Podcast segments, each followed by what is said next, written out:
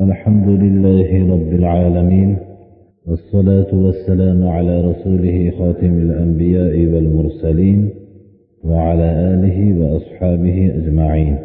أما بعد السلام عليكم ورحمة الله.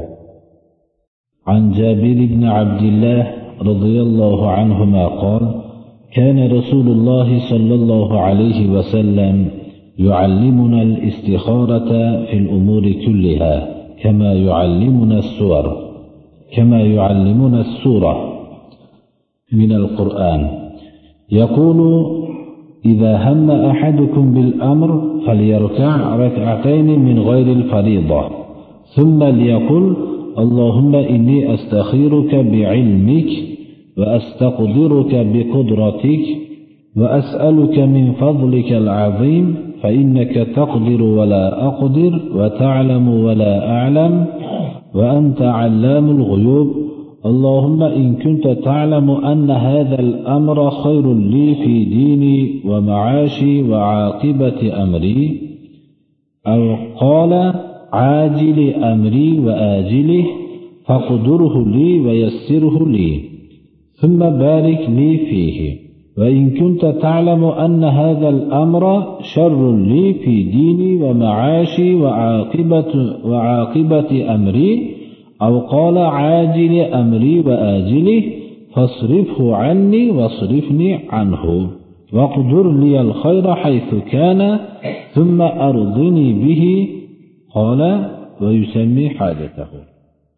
جابر بن عبد الله roziyallohu anhu rivoyat qiladilarki rasululloh sollallohu alayhi vasallam bizlarga hamma ishlarda xayr yaxshilik talab qilishlikni ta'lim berardilar xuddi qur'ondan surani ta'lim berganlaridek.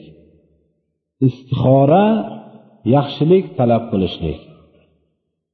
Mo'min kishi doim allohga har bir ishida yolborishligi kerak allohga iltijo qilib ollohdan so'rashligi kerak ba'zi ishlar borki hayotda bu ish to'g'rimikin menga yaxshi bo'larmikin kelajagi degan narsada odam o'ylanib qoladi. Mana bunday ishlarda rasululloh sollallohu alayhi vasallam bizlarga istixorani ta'lim berdilar. Aytdilarki sizlarni bittalaringlar biror ishni maqsad qilsa ikki rakat nafl namoz o'qisin dedilar. Min g'oyril farizoh ya'ni nafl namoz o'qisin keyin aytsinki shu duoni o'qisin mazmuni shundan iborat. Ey olloh men seni ilming bilan yaxshilik sendan talab qilaman. Seni qudrating bilan qudrat so'rayman. Va seni ulug' fazlingdan so'rayman. Chunki sen qodir zotsan men qodir emasman. Sen bilasan men bilmayman. Sen g'ayiblarni biluvchi zotsan. Ey olloh agar sen shu men qo'l urayotgan ishni mening uchun dinimda hayotimda va kelajagimda yaxshi ekanligini bilgan bo'lsang shu ishni menga meni unga qodir qilginda shu ishni menga muyassar qilgin. Va keyin men uchun bunda barakot bergin. Agar bu ishni menga dinim uchun ham yomon ekanligini bilsang hayotim uchun ham yomon ekanligini bilsang kelajagim uchun ham yomon ekanligini bilgan bo'lsang buni mendan bu ishni burgin meni u ishdan burgin ya'ni shu ishni menga nasib qilmagin.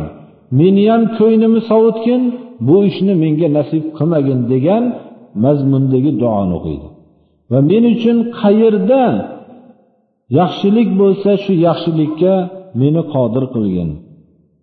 Va keyin meni shu yaxshilik bilan rozi qilgin deb shu hojatini shu ish deb aytilingan joyga nomlab qo'yadi dedilar masalan qizini bir turmushga bermoqchi o'g'lini uylamoqchi biror bir ishni bir joyga borib bajarib kelmoqchi halol shariatga muvofiq ishni.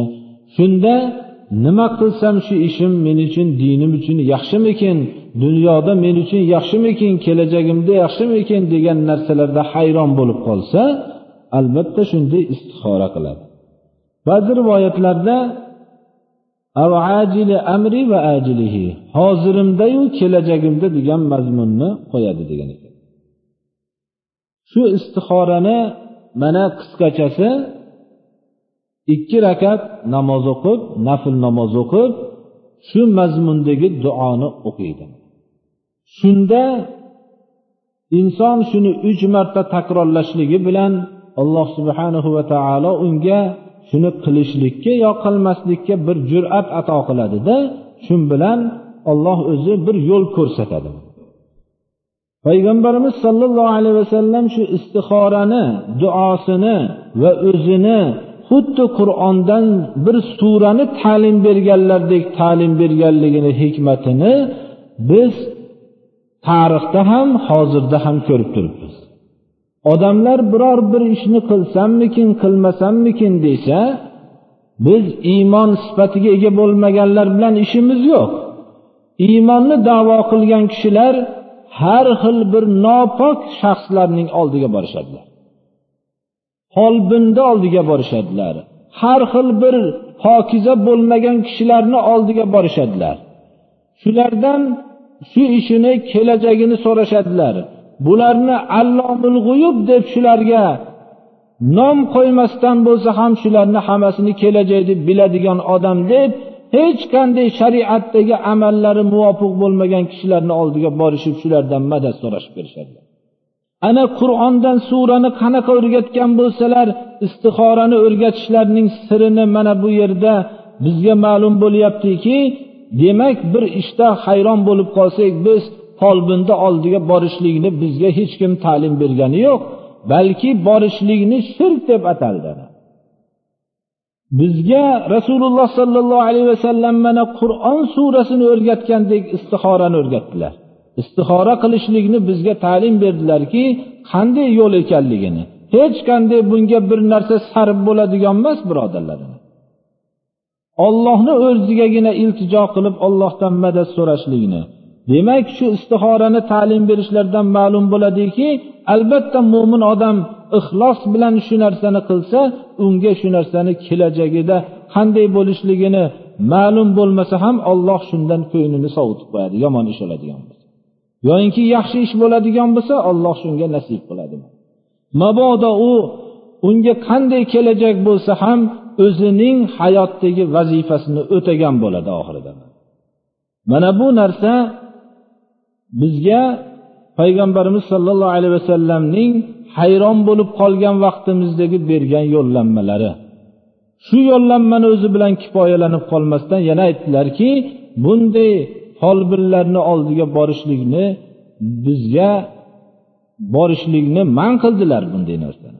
Ulamolarni mana butun aqida kitoblarida وتصديق الكاهن بما يخبره عن الغيب كفر folbinda tasdiqlashlik g'aybdan xabar berganini g'ayb narsalar haqida xabar bergan bo'lsa shuni tasdiqlashlikni ulamolar kufr deb atashdilar mana bizga istixora istixorani hammamiz mana o'rganib shu narsani hayron bo'lib qoladigan ishlar hayotda ko'p shu narsani o'rganmoqligimiz kerak.